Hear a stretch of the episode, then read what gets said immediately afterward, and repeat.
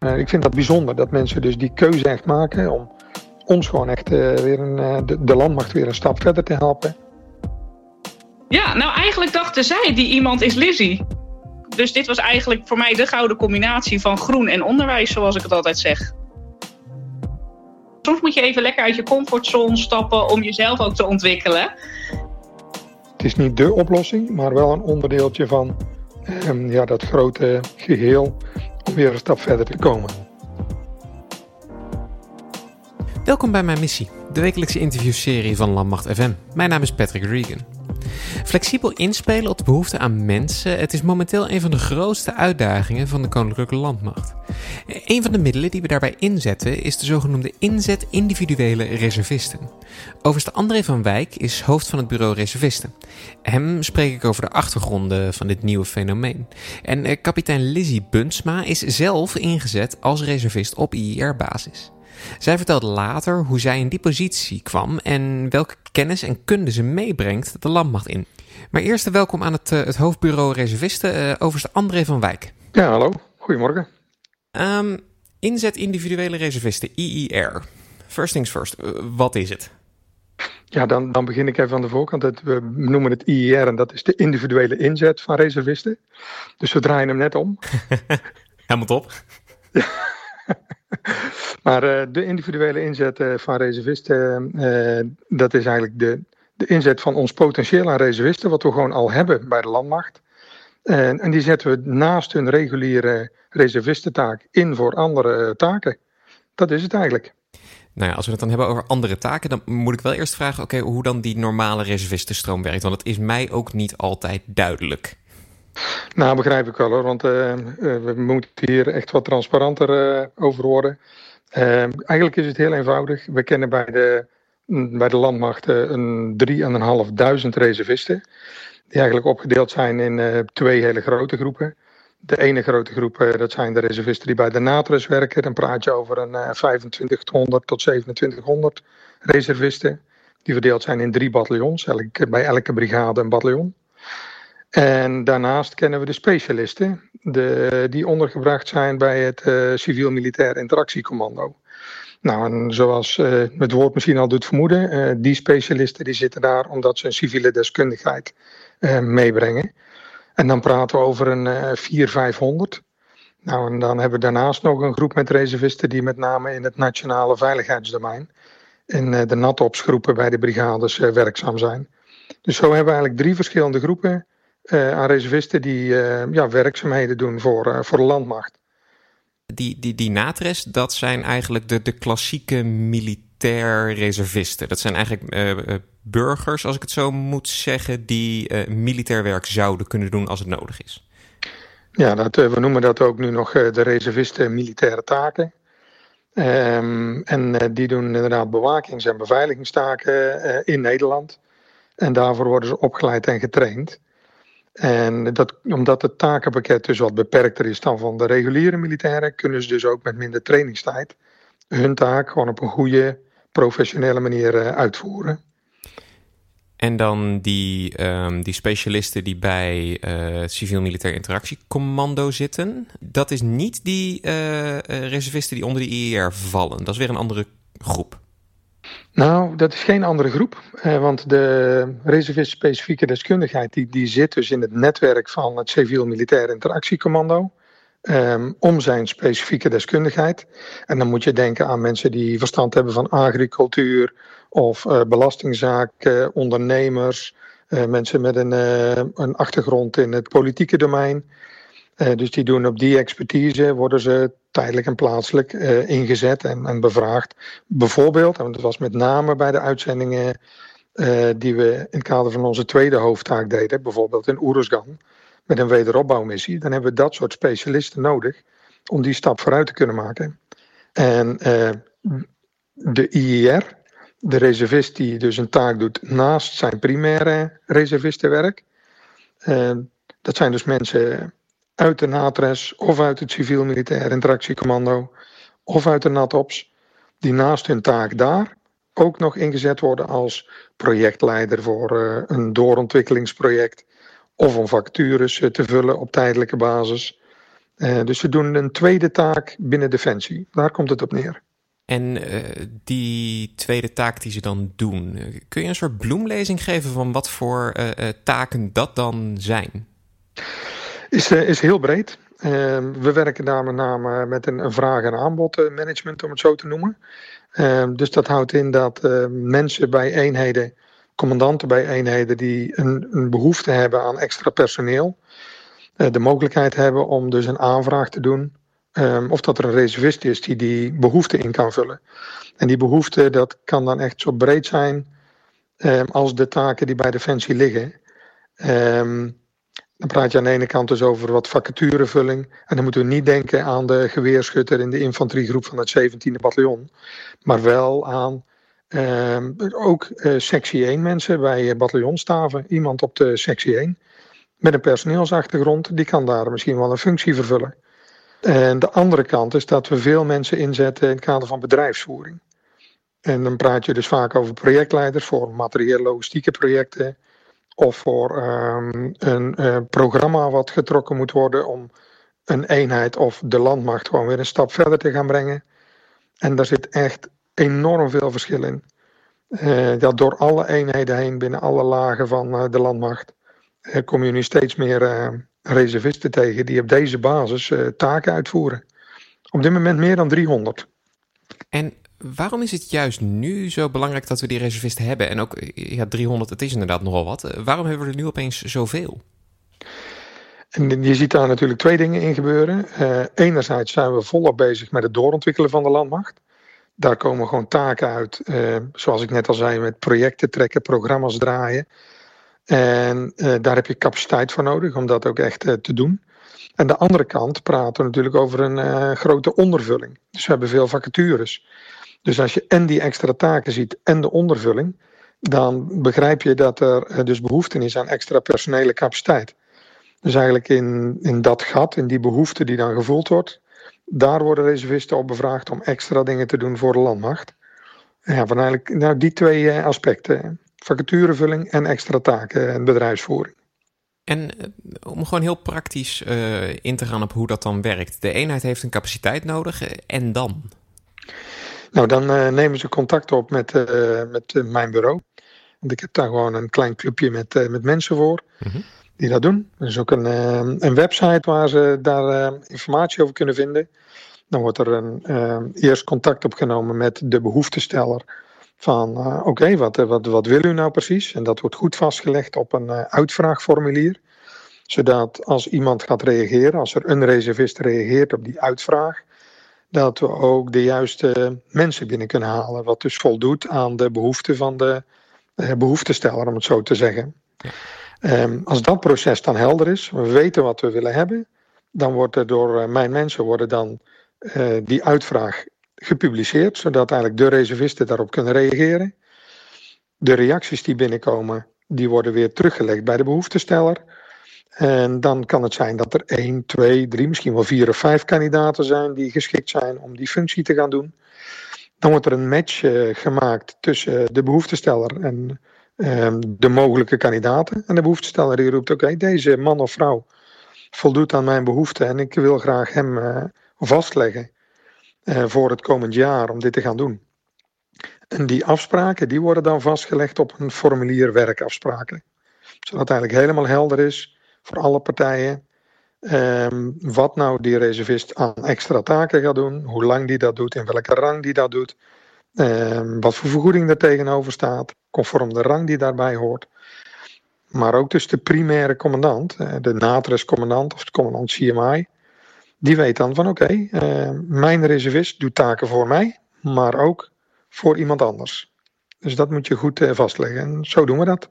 En uh, ja, hoe vaak is dat succesvol? Is dat 100% van de tijd of zijn er ook nog wel eens mismatches?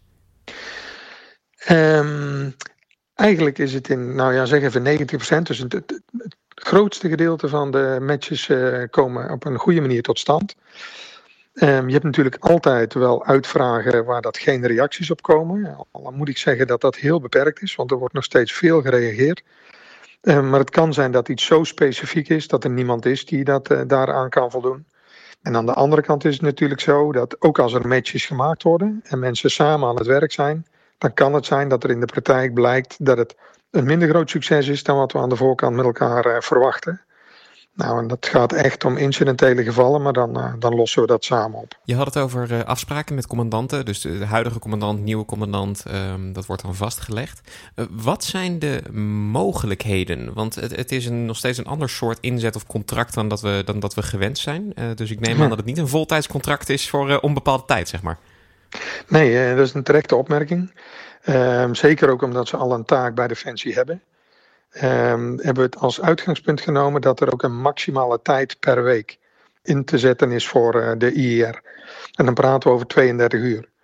En dat is dus omdat ze daarnaast dus ook nog een, uh, een, een, primaire taak hebben voor, uh, voor de landmacht, bijvoorbeeld bij de Natrus of CMI, waar ze ook uren aan moeten kunnen besteden.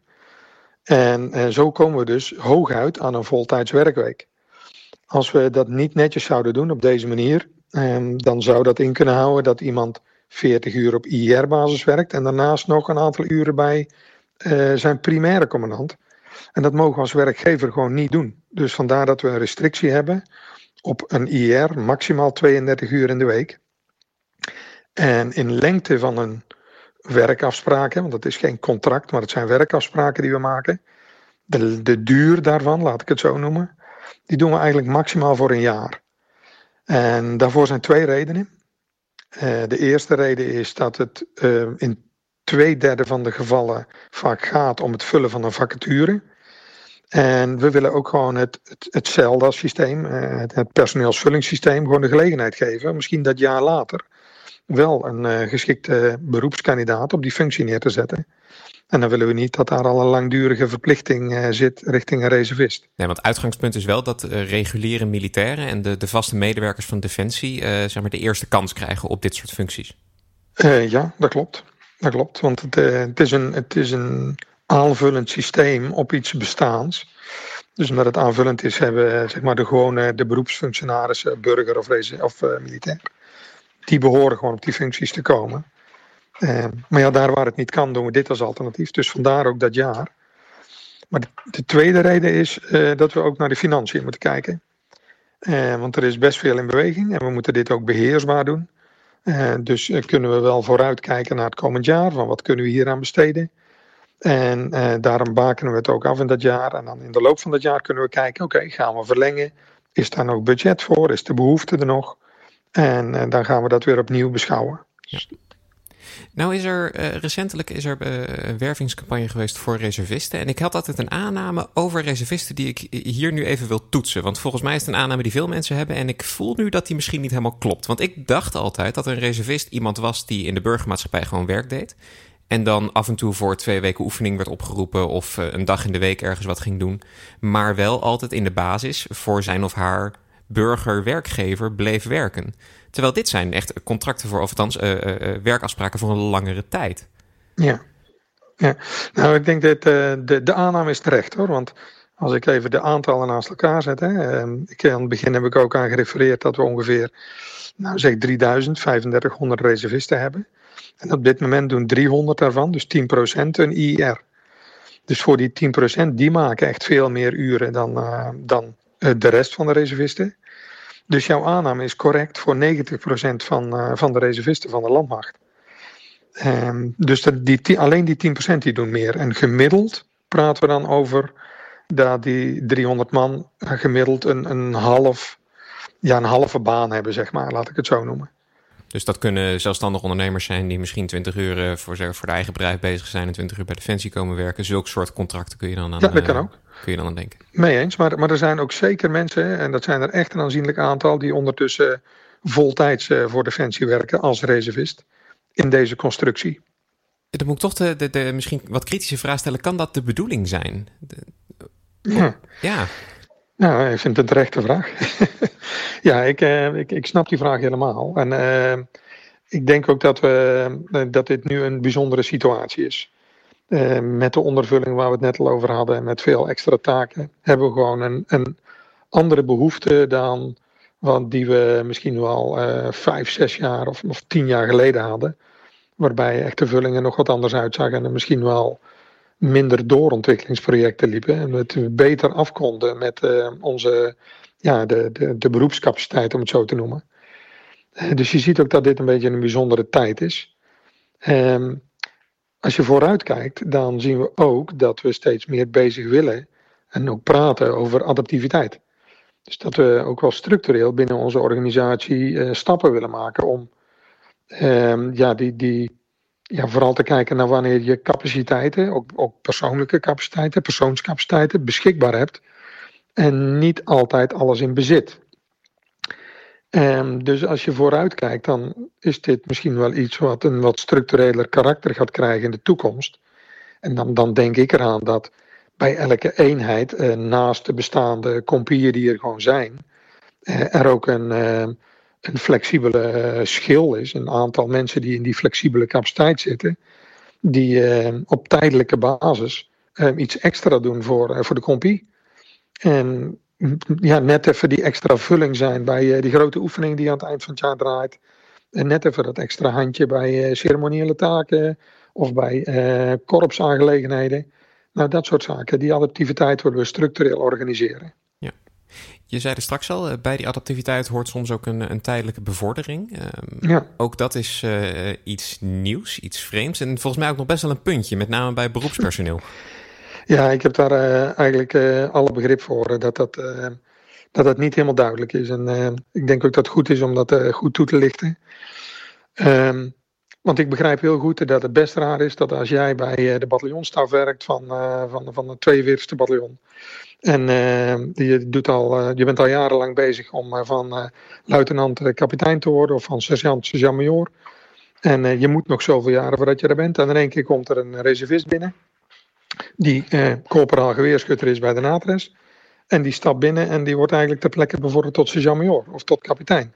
Ja, dat, dat voelt wel raar. Um, we, we, doen dat uh, echt gebaseerd op, uh, op twee basissen. En dat is één, dit gaat echt alleen maar om tijdelijke bevorderingen. Dus op het moment dat de werkafspraken aflopen, gaat uh, deze man of vrouw weer terug naar zijn basisreservistenfunctie in de rang waar dat hij toen ook werkzaam mee was. En we doen het gebaseerd op civiele competenties. En dat meten we ook echt. Daar zijn we heel strikt en heel streng in. iemand moet iets meebrengen vanuit het civiele domein. Dat, dat kan ook gewoon heel simpel een HBO-papier zijn voor een officier. Of het juiste MBO-niveau voor een onderofficier.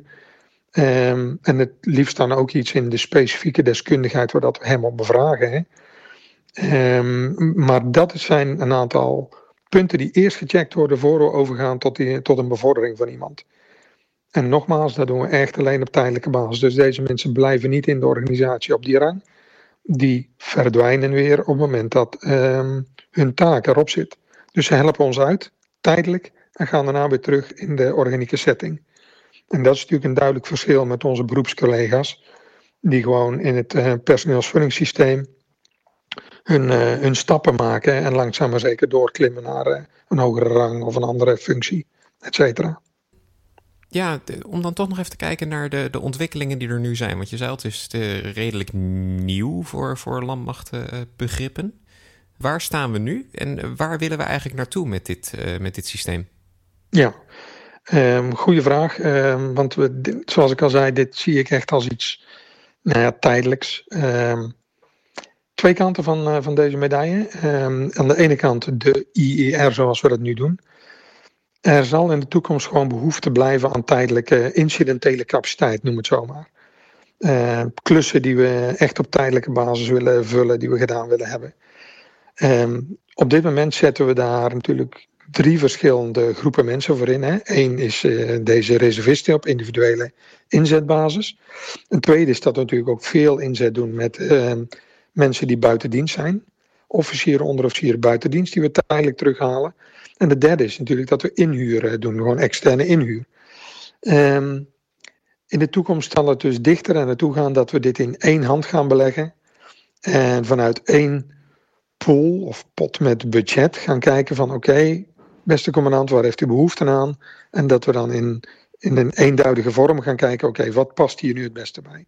Past hier voor deze incidentele klus externe inhuur, een BD'er of uh, iemand op IR-basis? Dat gaan we centraler organiseren.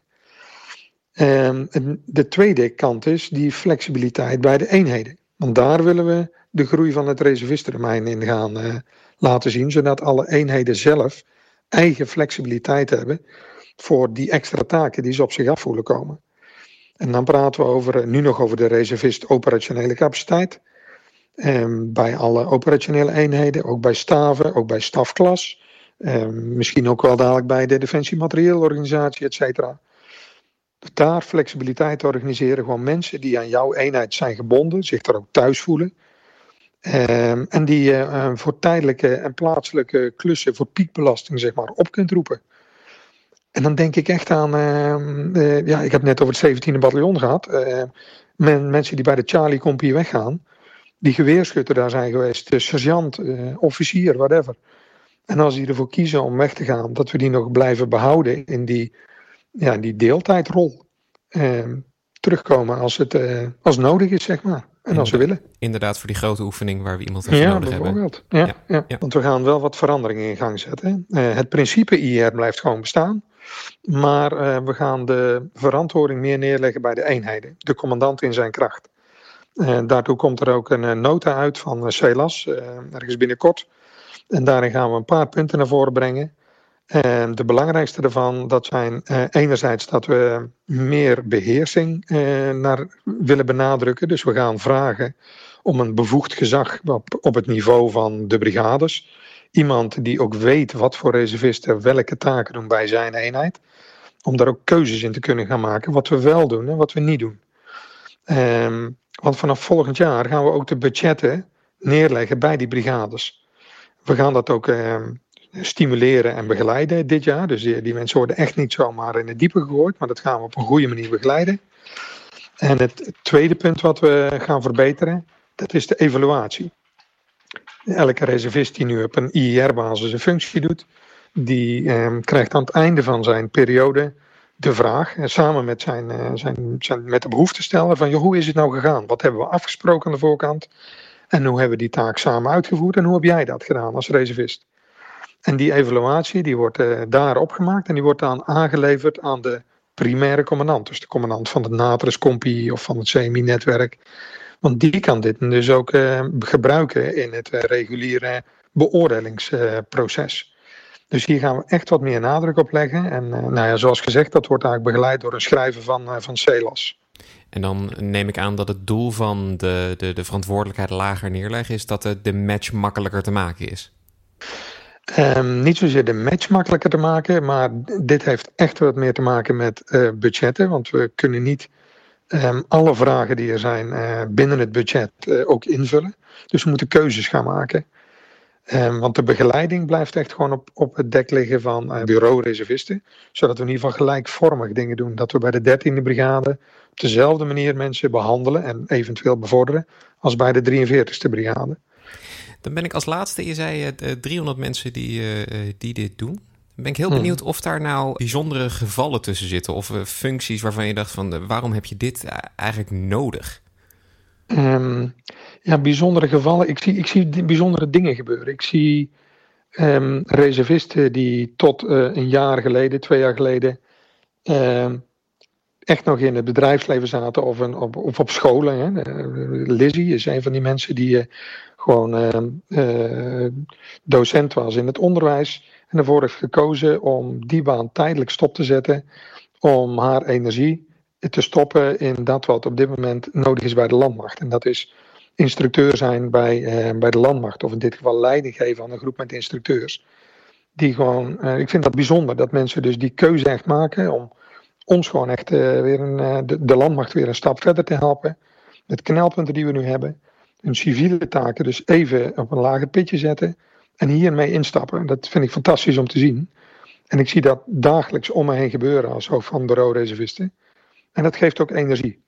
En ik hoop dat die energie zeg maar ook uh, verder de organisatie in, uh, in kan gaan. Uh, want het kan ons op. Het is een van de onderdelen die ons kan helpen om weer een stap verder te gaan. Het is niet de oplossing, maar wel een onderdeeltje van ehm, ja, dat grote geheel om weer een stap verder te komen. Een van die reservisten is dus kapitein Lizzie Bunsma. Uh, André haalde haar al even aan. Zij liet haar burgerbaan in het onderwijs achter zich om op de Koninklijke Militaire School leiding te geven aan een groep instructeurs. Maar haar loopbaan bij de landmacht duurt al wel wat langer. In, uh, nou, heel wat jaar geleden heb ik als beroeps uh, de officiersopleiding gedaan. Dat was uh, 2009, 2010. Gewoon op de KAMA, de kortmodel officiersopleiding. Uh, ik heb toen voor de kort model gekozen. Daarvoor had ik al de PABO gedaan, afgerond. Maar ja, ik wilde toch uh, het bloed waar het niet uh, gaan kan. Dus ben bij Defensie gaan werken. Um, en na de, na de officiersopleiding toch besloten om, om weer voor de klas te gaan. Maar daarnaast ook reservist te worden. En zo eigenlijk twee mooie weerronden samen te kunnen combineren. En dat kwam toen voor mij heel goed uit ben toen gewoon begonnen als, uh, als manschap bij de NATRES, het Korps Nationale Reserve. Groepscommandant geweest, uh, pelotonscommandant geweest. En inmiddels is mijn primaire plaatsing uh, compagniescommandant in Amersfoort van een uh, NATRES-compagnie. En je, je zei uh, Pabo gedaan, voor de klas gaan staan. dan ben ik toch even benieuwd van waar, waarom dat dan? Wat, wat is daar dan leuk aan? Wat is daar dan? Ja, dat zou je je afvragen in deze tijden. ja, wat is daar leuk aan? Het is leuk om gewoon uh, kennis over te brengen, de enthousiasme van de kinderen te zien. Uh, ze kunnen helpen in hun ontwikkeling. En dan doel ik niet zozeer op uh, beter in spelling of rekenen kunnen worden, maar meer het ontwikkelen in het zijn van, van, ja, van, van, die, van die personen, van die kinderen, moet ik eigenlijk zeggen. Um, ik heb heel lang groep 7, 8 gedraaid. Uh, dus dan ben je echt bezig met de overgang naar de middelbare school. Ja, en dat is gewoon mooi hoe ze daar hun eigen zijn. Ja, nog meer ontdekken. Wat zijn hun sterke kanten? Waar zijn ze wat minder goed in? Uh, en waar komen ze lekker op hun plek terecht? En die groei, om daar uh, één à twee jaar met die kids mee bezig te zijn, ja, dat is mooi. Misschien is het een rare, uh, rare stap of rare vraag, maar je hebt die officiersopleiding gedaan. Je bent daarna weer voor de klas gaan staan. Uh, heb je voor de klas iets aan dat, aan dat officierschap? Ja, daar heb je wel zeker wat aan. het stukje, nou vooral het stukje plannen en organiseren heeft me daar wel heel erg in geholpen. Maar ook gewoon het feit, op de KMA heb ik vooral heel veel over mezelf geleerd. Hè, wat zijn mijn eigen sterke punten? Wat zijn mijn eigen zwakke punten? En hoe kan ik die gebruiken? Hoe hou je je spanning onder controle als je even hè, ergens zenuwachtig voor bent. Uh, ja, en dat heb, kan je wel heel erg goed ook in het onderwijs gebruiken. Ik heb zelf geen kinderen. Uh, dus je hoort ouders vaak zeggen: Ja, wat heb jij te zeggen over mijn kind? Je weet zelf niet eens hoe dat is als je kinderen hebt. En denk nou, ik denk dat ik op de KMA toch wel redelijk uh, geleerd heb uh, hoe je dat zooitje tussen aanhalingstekens leiding kan geven. Nee, dat is natuurlijk gekkigheid. Maar je leert op de KMA gewoon heel veel over jezelf. En dat is denk ik vooral het belangrijkste. Uh, en als je jezelf beter kent, kan je volgens mij ook uh, beter gewoon, nou ja, in elk werk dan ook uh, je op je plek voelen. Maar dan kom je dus op een gegeven moment kom je uit bij een IIR-aanvraag. Er heeft iemand een, een uh, ja, iemand heeft iemand nodig en toen dacht jij, nou die iemand ben ik. Ja, ja, nou eigenlijk dachten zij, die iemand is Lizzie. Uh, want uh, ja, de IIR-aanvraag kwam, uh, kwam als volgt. Misschien is dat even goed om, om erbij te vertellen. Mm -hmm. um, er zijn heel veel, het afgelopen jaar zijn er heel veel nieuwe reservisten eigenlijk aangenomen. En er zat eigenlijk een beetje een bottleneck bij de keuringen. Nou, daar zijn extra, is extra capaciteit op gezet. Nou ja, als die lui allemaal door de keuring zijn, moeten ze ook door een opleiding. En nu was er de vraag en behoefte aan iemand die eigenlijk verstand had van onderwijs, want er moesten meer reservisten worden opgeleid. Uh, nou, reservisten en militair, daar heb ik wel wat mee, uh, maar opleiden ook. Dus dit was eigenlijk voor mij de gouden combinatie van groen en onderwijs, zoals ik het altijd zeg. Maar op dat moment had je, stond je dus voor de klas. Dus je hebt dat achter je gelaten tijdelijk? Of? Dat klopt. Ik heb mijn baan uh, opgezegd begin 2019 om fulltime voor Defensie te gaan werken. En, en daar, nou ja, militairen op te gaan leiden. Dat klopt. Mijn baan opgezegd. Um, nee, ja, dat, dat, opleiden. Dan ga ik nu de vraag die ik net uh, stelde, ga ik andersom stellen. wat heb je aan de dingen die je voor de klas met die uh, uh, iets wat kleinere mensjes aan ervaring hebt opgedaan? wat heb je daar nu aan met deze grotere mensen om ze op te leiden?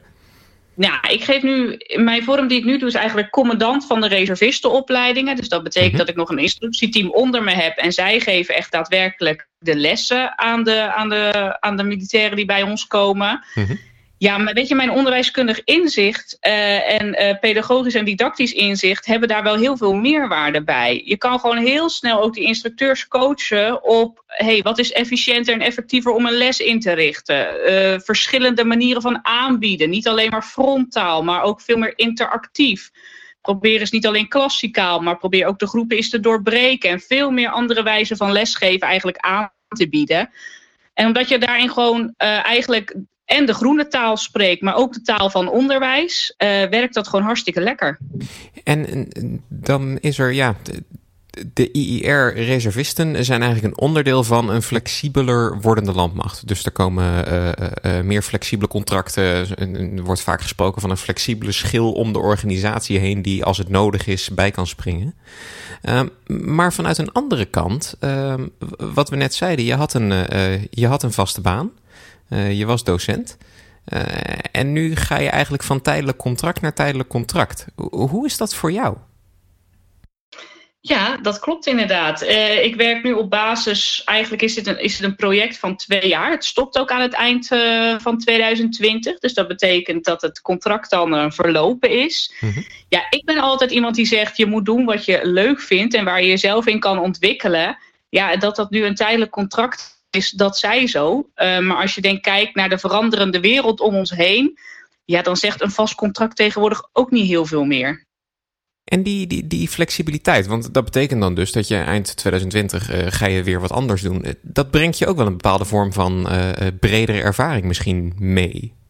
Precies, precies. En dat is inderdaad ook gewoon. Soms moet je even lekker uit je comfortzone stappen om jezelf ook te ontwikkelen. Nou, dat uh, heb ik bij deze een beetje gedaan. Hè. Wel uh, uh, met onderwijs, maar toch wel even helemaal vol in die groene wereld duiken. Ja, dat is me goed bevallen. Er zijn uh, op dit moment rond de 300 uh, reservisten IER binnen de KL bezig. Uh, ik, denk, omdat jij in die wereld zit, dat je er een stuk meer kent dan ik. Ehm, heb jij een beetje een beeld van wat, wat, ja, wat brengen jullie dan de KL in van die ervaring buitenaf? Wat ik zie is eigenlijk de kennis en kunde die uh, in civiel is opgedaan. Uh, die kan je in veel bepaalde IER-contracten uh, eh, of IER-functies, moet ik zeggen, meenemen de krijgsmacht in. En dat is dus als voordeel, denk ik, voor de krijgsmacht. Um, en mijn visie op onderwijs en alles wat ik bij civiel heb opgedaan, qua opleiding en alles die ik heb gedaan.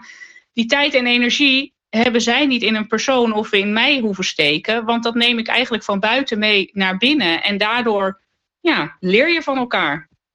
Als ik het zo hoor, ben jij wel fan van de, uh, van de flexibele schil? Ja, ik ben wel fan van de flexibele schil. Uh, maar er moet natuurlijk altijd gekeken worden naar... Uh, past de persoon ook in de organisatie? Want niet iedereen, en dat zal iedereen met me eens zijn... Uh, kan, dat, kan dat vlekkenplak met trots dragen. je moet wel de naam eer aandoen. Ja, ik vind altijd... Ehm, er wordt soms een beetje op een andere manier naar een reservist gekeken... die ergens een IER komt vervullen. En Um, de reservist roept altijd heel hard: ja, we willen gelijk getrokken en we willen gelijk zijn met de beroepsmilitair, om maar even zo te zeggen. En ja, ben ik het niet helemaal mee eens. Ik vind niet dat we gelijk zijn, want we hebben op een andere wijze onze, he, onze baret uh, verdiend. Maar ik vind wel dat je elkaar gelijkwaardig moet behandelen. Ik bedoel, een infanterist is ook niet gelijk aan, een, uh, aan iemand van de administratie. Maar je hebt elkaar wel nodig om de boel draaiende te houden. En laat iedereen uh, in zijn waarde en uh, zie iedereen ook ja, wat hij of zij uh, in zijn specialisme bijbrengt in de groep.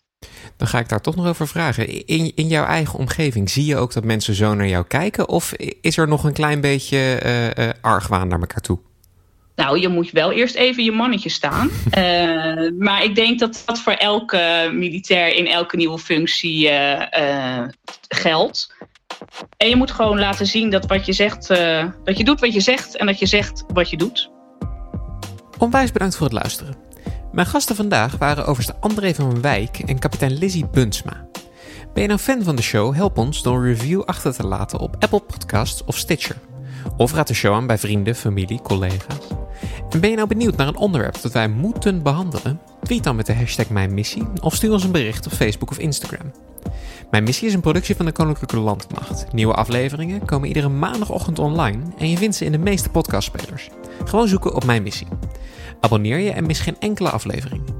Je volgt de Koninklijke Landmacht via Twitter, Instagram, Facebook en YouTube en check defensie.nl voor het laatste nieuws rondom de krijgsmacht. Nogmaals, onwijs bedankt voor het luisteren en tot volgende week.